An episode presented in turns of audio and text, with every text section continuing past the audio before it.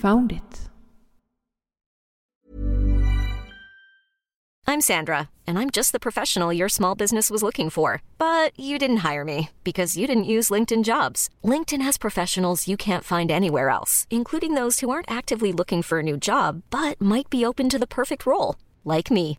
In a given month, over 70% of LinkedIn users don't visit other leading job sites. So if you're not looking on LinkedIn, you'll miss out on great candidates like Sandra. Start hiring professionals like a professional. Post your free job on linkedin.com/achieve slash achieve today.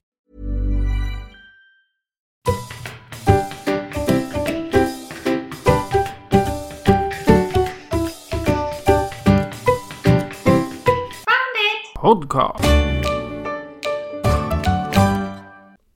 Välkommen till Foundit Podcast. För någon månad sedan så var vi ute och geocachade tillsammans med vår gemensamma vän Emma Kekan. En eh, fin runda i Torshälla utanför Eskilstuna. Och när vi gick förbi en industritomt som var instängslad och där letade vi efter en geocache eh, som låg ungefär vid en bro. Då kom det fram en väktare till oss och frågade liksom vad letar ni efter? Vad håller ni på med? Jo, vi letar efter en geocache, svarade vi. Okej, sa väktaren, vände sig om och gick vidare. Det var mitt första möte med någon form av ordningsperson eller vakt eller ordningsvakt, vad som helst, under mina få år som geocachare. Nu vet jag att det inte är alltför ovanligt att man blir konfronterad och ifrågasatt om man kanske beter sig lite konstigt som det kan vara när man står och letar bakom ett elskåp eller försöker sträcka sig upp i en stolpe. Särskilt mitt inne i en stad eller om man är på en stig i närheten av ett hus eller en restaurang exempelvis. Så det är inte så svårt att besvara vad man gör utan det gäller bara att förklara. Och om personerna är intresserade av det då kanske de lyssnar lite. Annars kanske de bara går och säger de att nej, eh, vi vill inte ha er här. Då är det bara att gå därifrån. Hur man säger, easy peasy, helt enkelt. Men det här mötet, det sådde ett frö i min lilla skaparhjärna. Det gick liksom runt i huvudet på mig med just det här med att möta ordningsvakter, poliser, väktare. Eller ja, personer som arbetar och ska hålla ordning på oss. Eller hålla koll på oss. Om ni förstår vad jag menar. Så därför gjorde jag något varje laglydig medborgare ska göra. Jag kontaktade polisen. Jag heter Thomas Bergqvist. Jag jobbar som polis. Jag är eh, brottsförebyggande samordnare. Man skulle kunna säga att jag är kommunpolis för hela Södermanlands län. Eh, och min grad är polisinspektör. Till att börja med så tycker jag det är otroligt positivt med det här intresset för att man är faktiskt ute och rör på sig. Man får uppleva saker i sitt närområde som man utan intresset aldrig skulle få uppleva egentligen. För att någon har varit vänlig nog att sätta en cash som jag letar rätt på och kanske får uppleva sidor av det här närområdet som jag annars aldrig skulle röra mig på. Eftersom geocaching kan utföras på fler platser än bara i skogen. En hel del av geocacherna de ligger ju faktiskt inne i stan. Och det innebär ju att man kan riskera att behöva smyga runt i villaområden eller bara vanliga bostadsområden. Det beror ju helt på vart de är gömda såklart. Och jag har funnit det lite som att man är som en hemlig agent som smyger runt där. Och tittar i stolpar, skyltar, bakom elskåp. Och jag kan tänka mig att när personer som inte håller på med geocaching ser det här utifrån så måste det se lite märkligt ut.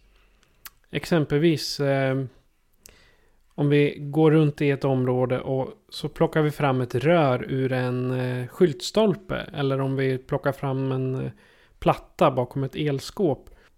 Vad, vad, tycker personer runt om?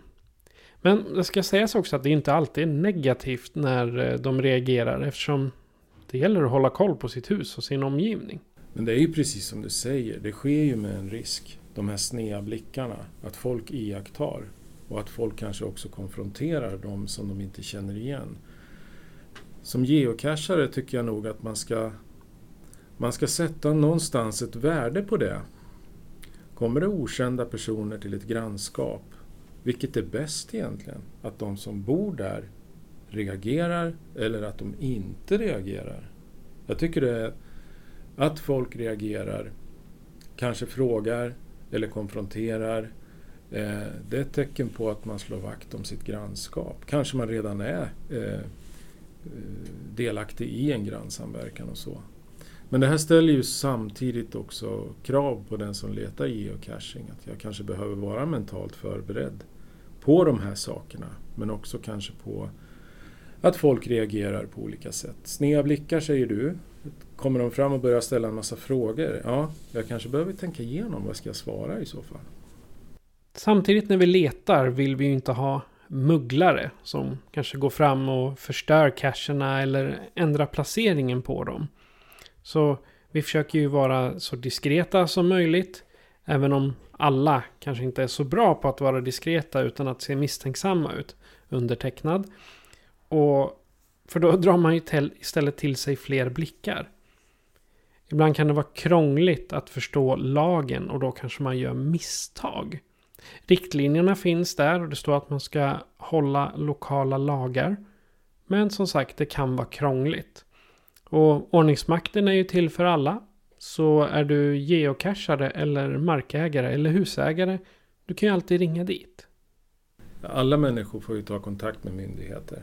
Det finns ju ett lagstadgat skydd kring det. Man får och ska alltid kunna ta kontakt med myndighet och hindras man från att göra det så kan det faktiskt handla om övergrepp i rättssak.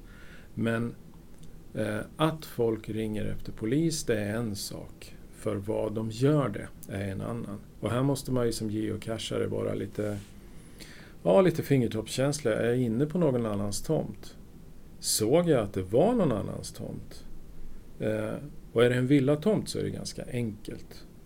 Eh, jag tror att en geocachare kan se huruvida det finns en tomtpåle eller inte i ett hörn till exempel.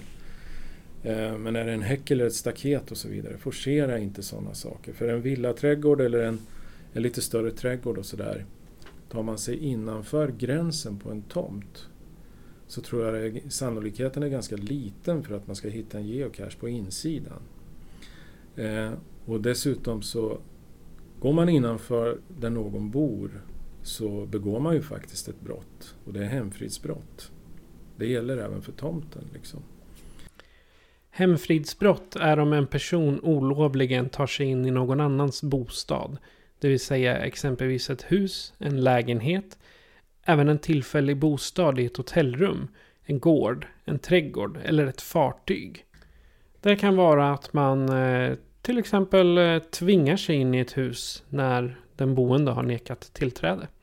Hemfridsbrott är ju eh, ett brott som har en lite ja, speciell karaktär. Eh, den som drabbas av hemfridsbrottet, den som bor där, måste ange brottet för, till åtal. Eh, men det, det förändrar ju inte det faktum att man faktiskt begår själva brottet.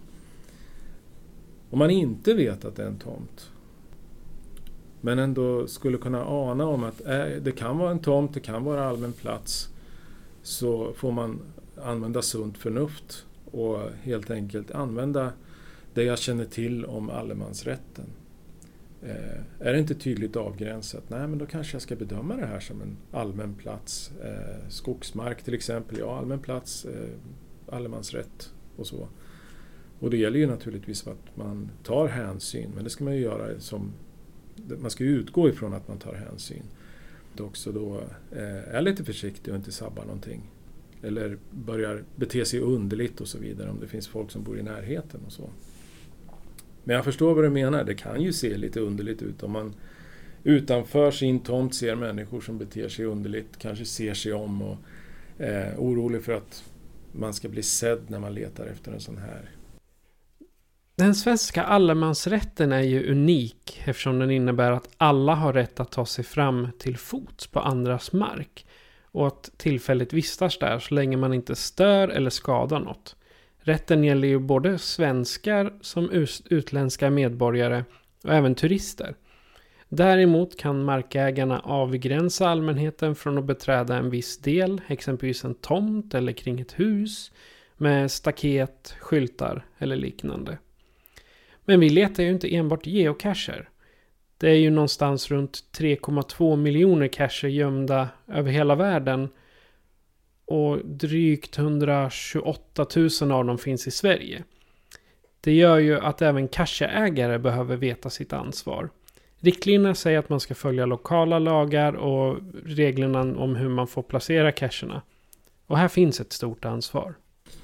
Eh, där behöver man nog vara lite försiktig om man, om man ser att det är i närheten eller på någon annans tomt. Det är ett big no-no. För att äger man en mark så har man ju bättre rätt till den marken. Äger man en tomt, då har man absolut rätt till den.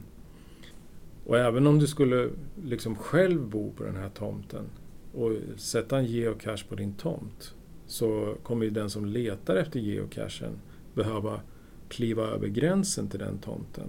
Det är okej okay för dig som har satt ut den, kanske. Och då blir det inget hemfridsbrott. Men den som letar efter den måste kliva över. Och alla som bor runt omkring eller den som betraktar den här överträdelsen, vad ska de tro? Så att det finns ju en hel del hänsyn att ta. Jag tror att allmän plats, mark som omfattas av allemansrätten, kan finnas en markägare men man kan ändå betrakta den som mera allmän det är inga konstigheter att sätta ut geocache på. Och skulle någon fråga så kan man väl fråga tillbaka om det är markägaren till exempel. Är det okej? Okay? Och så förklarar man lite grann om geocaching. Det här stör ingen men folk kommer börja leta efter den här och så. Men är det någon som äger den här platsen som, och att det är tomtmark eller att det är inhägnat på grund av någon annan typ av ändamål. Det bör man undvika, eller det ska man undvika eftersom den platsen är upplåten för annan typ av verksamhet eller boende. I riktlinjen för att placera en cache är det mycket riktigt en paragraf som kräver markägares tillstånd för att placera en geocache. Men har man sunt förnuft och inte förstör något eller kommer orsaka att man förstör något bör man inte leta fram ägaren och istället se till att man inte åsamkar skada på det området. Vi, vi hittar ju behållare på allt från skyltstolpar till elskåp under bänkar in i städerna. Men har ni tänkt på att det faktiskt är kommunens mark vi använder? När det gäller allmän plats så är det ordningslagen vi ska tänka på. Ska man använda sig av den allmänna platsen så måste man ha ett tillstånd. Men det handlar ju om du ska ha någon typ av verksamhet på ett specifik plats. Säg att du sätter ut en geocache, det är en sak. Men skulle du prata eller eh, ställa upp ett bord där du vill propagera för eller helt enkelt displaya geocaching under två till tre timmars tid på Fristadstorget här i Eskilstuna. Då behöver du ha tillstånd för då upptar du en plats som är kommunens. Sätter man ut en geocache, ja men då gör du det och sen går du därifrån. Och sen letar folk efter den och så vidare. Det är hela tiden en rörelse. Rörelse i samhället, det är någonting positivt. Det skapar trygghet. Och för det här ändamålet så har jag svårt att se att man måste ha Eh, tillstånd ifrån kommunen. Nog, nog är det väl så eh, att det sitter geocache ute på stan redan. Hur många av dem har sökt tillstånd? Ska du vara på en plats och uppta kommunens mark under en tid eller längre tid så måste man ha tillstånd. Vi älskar alla event. Jag letar varje dag efter att hitta ett event i närheten och när jag kan och har tillräckligt nära är det helt klart att jag deltar. Ett event innebär ju att vi samlas flera människor på en plats i minst 30 minuter. Vi hade ett möte på torget i Mariefred, på gamla, i Gamla stan där. Och jag, jag tror vi var någonstans runt 20 personer som stod och frös där ute. Vad tyckte vi om det? Jo då, svinkallt men det var trevligt. Och i min, mitt huvud här så kommer jag att tänka på, följde vi lagen? Det är också reglerat i ordningslagen. Det är skillnad på det som kallas för offentlig tillställning och det som kallas för allmän sammankomst.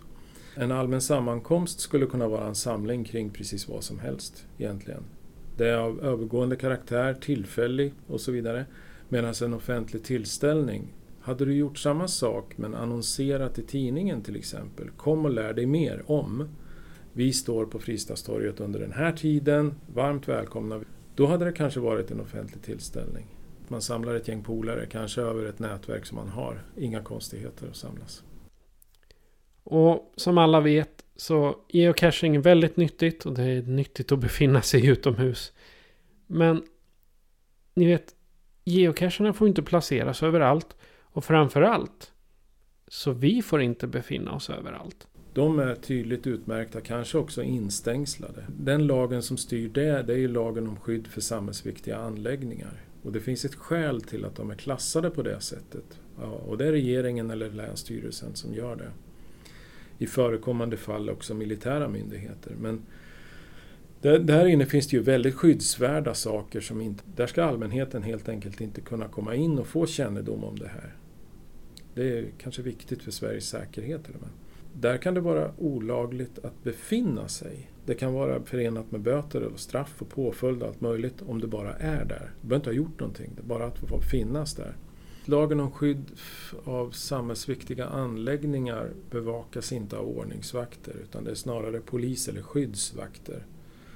Eh, och skyddsvakter och polis har ju eh, betvingande möjligheter ett gripa, avvisa, avlägsna eller tillfälligt omhänderta om personen inte gör som man säger. För du äger inte rätt att befinna dig på den där platsen. Det är ett skyddsobjekt, ett skyddsområde helt enkelt. Ett skyddsobjekt är samhällsviktig verksamhet som har ett förstärkt skydd i svensk lag för att skyddas mot sabotage, terroristbrott, spioneri och grovt rån. Ett skyddsobjekt kan bestå av en byggnad, område eller annat objekt. Det är Länsstyrelsen som beslutar om civila objekt ska bli skyddsobjekt. Ett tillägg här också. Du får inte fotografera, avbilda eller ens beskriva ett skyddsobjekt. Och det är skyddslagen och skyddsförordningen som säger det. Och det finns alltid skyltar runt området. Sen finns det ju farliga platser, alltså vägområden överhuvudtaget. Där behöver man kanske inte sätta dit någon cash för att även om det är en mittremsa mellan två körbanor så kan den sitta i fred, cashen, men du måste ju ta dig till den. Så det är ju en synnerligen olämplig plats. Jag har varit med om geocacher placerade i rondeller, på mittrefuger och väldigt nära motorvägen. Jag hoppas ni som lyssnar är försiktiga när ni tar dem. För det kan gå riktigt illa om man blir påkörd. Just saying. Olämpliga platser skulle ju kunna vara att sätta en cache på en allmän plats visserligen men alldeles intill någonting som är enskilt som en industriområde, en infart som det far väldigt mycket eh, bilar kring och sådär. Som kanske skulle kunna bli stört av ifrågasätta geocache-letandet det är så jag tänker. Den som sätter ut en geocache kanske behöver tänka hur attraktiv blir den här cachen? Var befinner jag mig? Och blir det ett stort flöde av cacheletare här, vad kommer det att innebära för omgivningen den sitter i? Tänker man så, så tror jag det blir lättare att man hittar bättre platser än sämre i alla fall. Ni som följer oss på Youtube kanske har sett videon där vi tog oss an Gudrunsrundan i eh, Mjällänna. För när vi var klara med den rundan skulle vi ha gått in på en restaurang för att äta lunch. Men det hände något när, annat när vi var på platsen. Som jag tror inte jag har berättat om. Det var så att vi trodde vi hittade en geocache. En bisonbehållare. Men eh, då skulle jag öppna den. Tänkte hälla ut eh, remsan. Och det visade sig att den innehöll röda tabletter med kryss på. Så eh, det visade sig att det var ett narkotikaklassat läkemedel. Vi lämnade in, in det hos polisen i Eskilstuna eftersom det inte var så mycket. Det, ja, alltså, oaktat vad du hittar så tror jag att man kan ställa sig några frågor eh, till sig själv faktiskt. Vad vill du göra med det här? Nästa fråga är vad får du göra? Och den tredje frågan är vad kan du göra? Om du vill hantera det här på bästa sätt då tycker jag att du ska försöka gå vidare till nästa fråga. Vad får du göra? Får du göra någonting med att du har hittat knark? Ja, det får du. Sen faller du ofta på den tredje och sista frågan. Vad kan du göra? Har du tränat på att hantera sådana här fynd? Nej, men då backar vi tillbaka till första frågan. Vad vill du göra? Ja, jag vill ju rapportera in det här. Ja, men gör då det. En knarkgömma i skogen, kanske av lite större karaktär. Fota platsen. Ta dig därifrån. Ring efter polis och då är det inte 114 14 utan jag tycker, eftersom det är viktigt att det går snabbt att omhänderta eller beslagta det här, att man ringer efter polisen på 112. Eh, I bästa fall, om du känner att du har ja, kraft, ork och, nog, eh, och motivation nog, stanna kvar, vägled polisen till den här platsen. Har man huvudet på skaft så kan man ju också tala om att jag har hittat narkotika. Det vore, det vore snyggt om det kom poliser hit till mig, hjälper mig, gärna med hund. För det kan faktiskt finnas flera eh, gömmor. Det är väl så jag tänker. Fota platsen, ta inte i sakerna. Dels för att det kan finnas spår på dem, men också för att det är faktiskt hälsofarliga saker vi snackar om. När, när jag nu har hittat det här, Mm. hur bevisar jag att det inte är mitt? Därför att du redan tar kontakt med polisen, talar om den här mängden. Eh, jag har hittat den, vad ska jag göra med den? Eh, det visar ju definitivt inte på något uppsåt att det är jag som är narkotikabrottare, så att säga. Det, det är inte jag som begår narkotikabrottet här, utan jag vill göra det rätta. Och när det gäller den där mängden, ja vad ska vi annars tro liksom? Misstror vi människor som ringer för de typerna av mängd, ja då tycker jag nog att vi är fel på det. Du gör ju rätt sak. Som tur är händer det inte så ofta att man hittar narkotika när man är ute och letar. Jag har läst mycket på Facebookgrupperna från USA och Storbritannien att man då och då stöter på vapen och ammunition i skogen. Det kan ju vara direkt livsfarligt. Och särskilt om man inte vet ifall de är laddade eller ej. Eller om det ens är skarpt. Och skulle en geocachare hitta Eh, ett vapen, ett skjutvapen ute i skogen så är det ju än viktigare att man plåtar platsen och gör eh, på samma sätt. 112, definitivt. Att jag har hittat ett vapen i skogen. Jag befinner mig på den här platsen. Kom till mig så vägleder jag er in så att vi kan eh, tillsammans få bort det här ifrån skogen helt enkelt. Rent ur säkerhetssynpunkt, är det något särskilt man ska Nej, ett vapen går inte av. Det, det smäller inte på. Eh, du måste till med någon typ av handavverkan. Så, och vapen skiljer sig så mycket från varandra. Eh, både systemmässigt men också handhavandemässigt. Så även om du tror att du kan en del om vapen, ta inte i det. Gör inte vad vi kallar för patronur bara för att det ska bli tomt och att du ska förvissa dig om att det är tomt.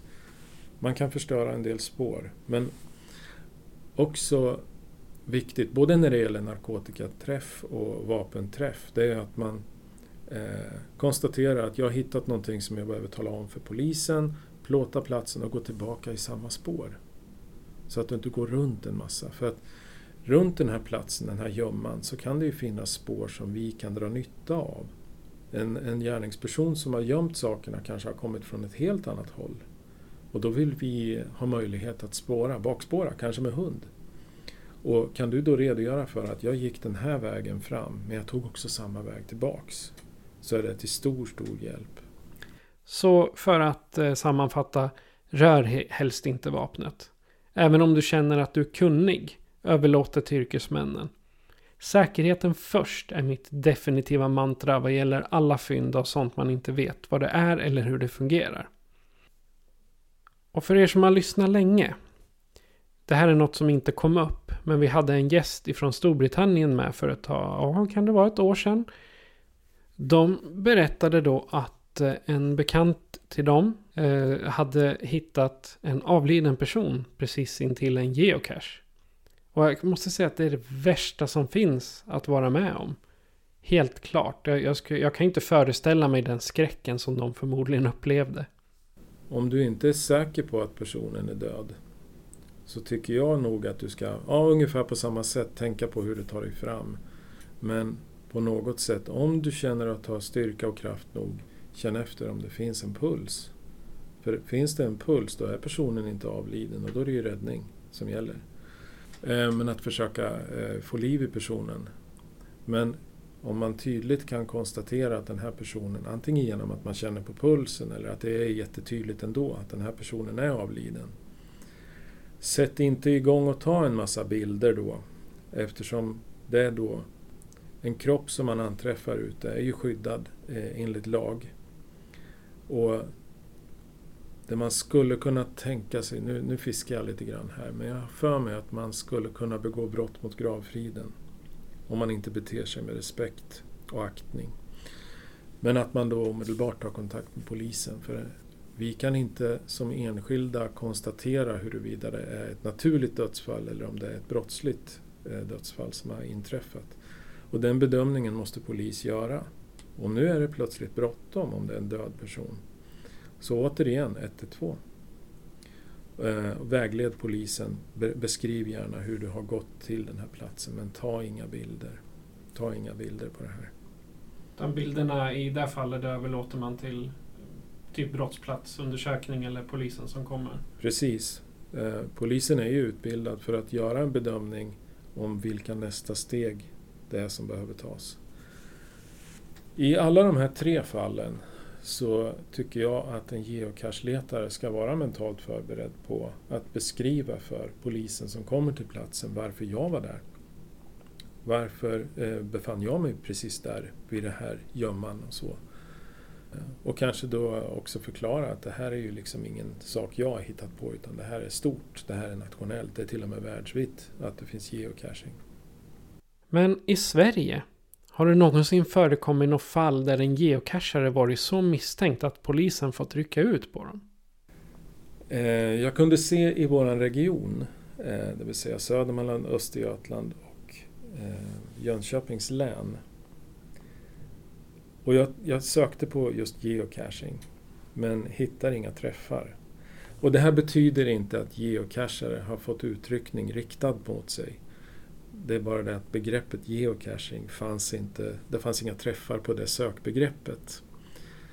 Så jag vet faktiskt inte. Och det, jag skäms lite grann över att säga det. Men skulle jag leta efter alla uttryckningar på ensamma i skogen eller att folk, underliga människor i skogen och så vidare.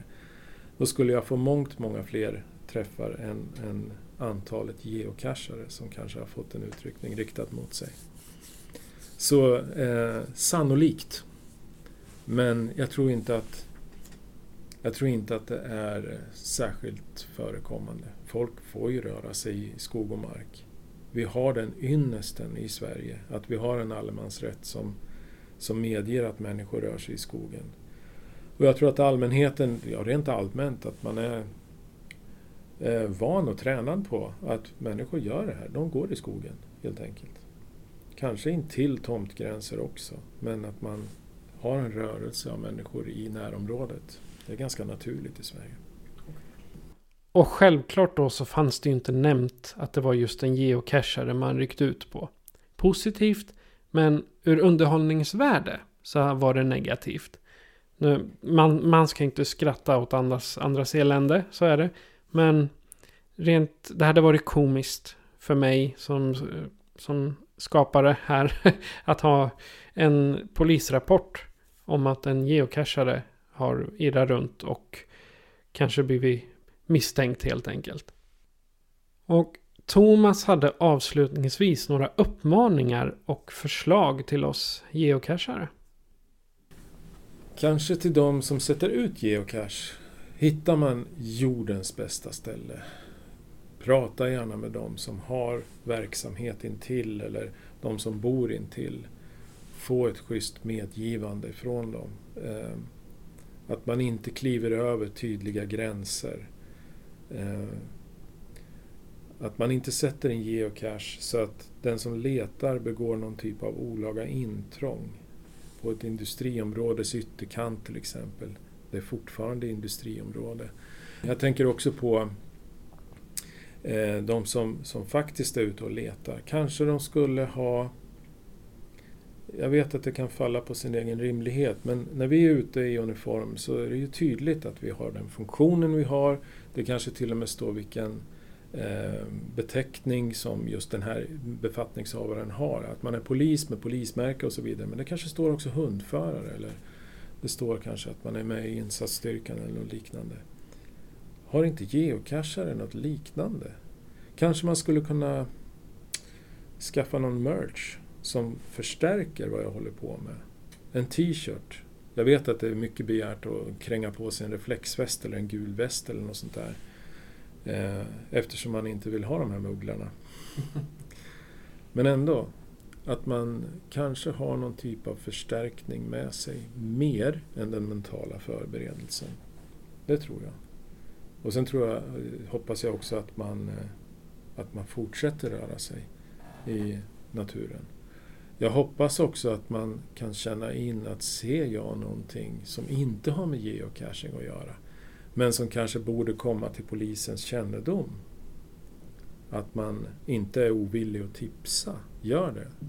114 14. Är det inte bråttom? 114 14. Är det bråttom? 112. Det är det snabbaste sättet att komma i kontakt med polisen. Att visa upp att vi är geocachare allt för tydligt tror jag i alla fall ingen kommer göra frivilligt. Men som vi sagt genom hela avsnittet, sunt förnuft och något som jag vill tillägga så här i efterhand, solidaritet. Se till att hjälpa varandra och hjälp samhället genom att hjälpa polisen. Och just det, jag ställde ju den frågan vi alltid vill ha svar på. Under Ja. ett arbetspass, vad har du i din matsäck? I bästa fall så har jag mörkt bröd med honung på.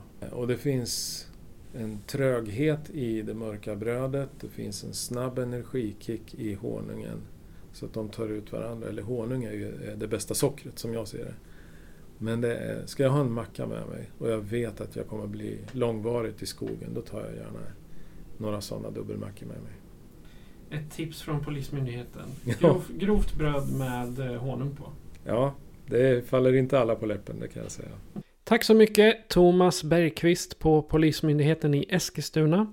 Det var väldigt lärorikt och jag hoppas även att ni lyssnare tycker detsamma. Om du som lyssnare vill delta i ett avsnitt, har ett event du tycker vi ska åka på eller vill att vi gör ett YouTube-avsnitt med dig. Så här gör du för att kontakta oss. Foundit Podcast presenteras av Patrik Norén och Patricia Lehmann. Patrik är producent.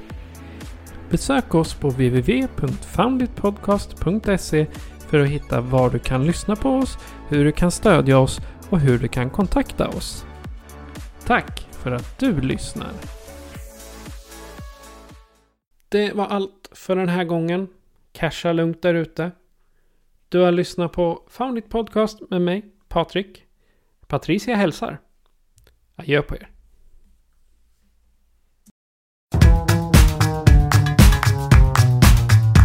Found it! Podcast.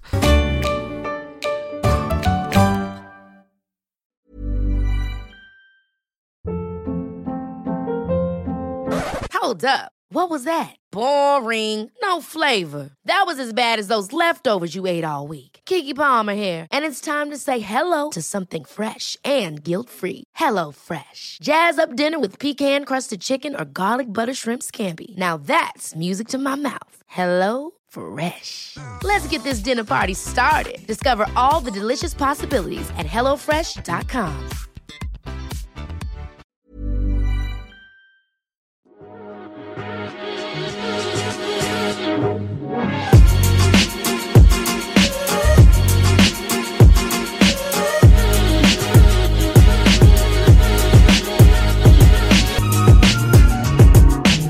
Found it.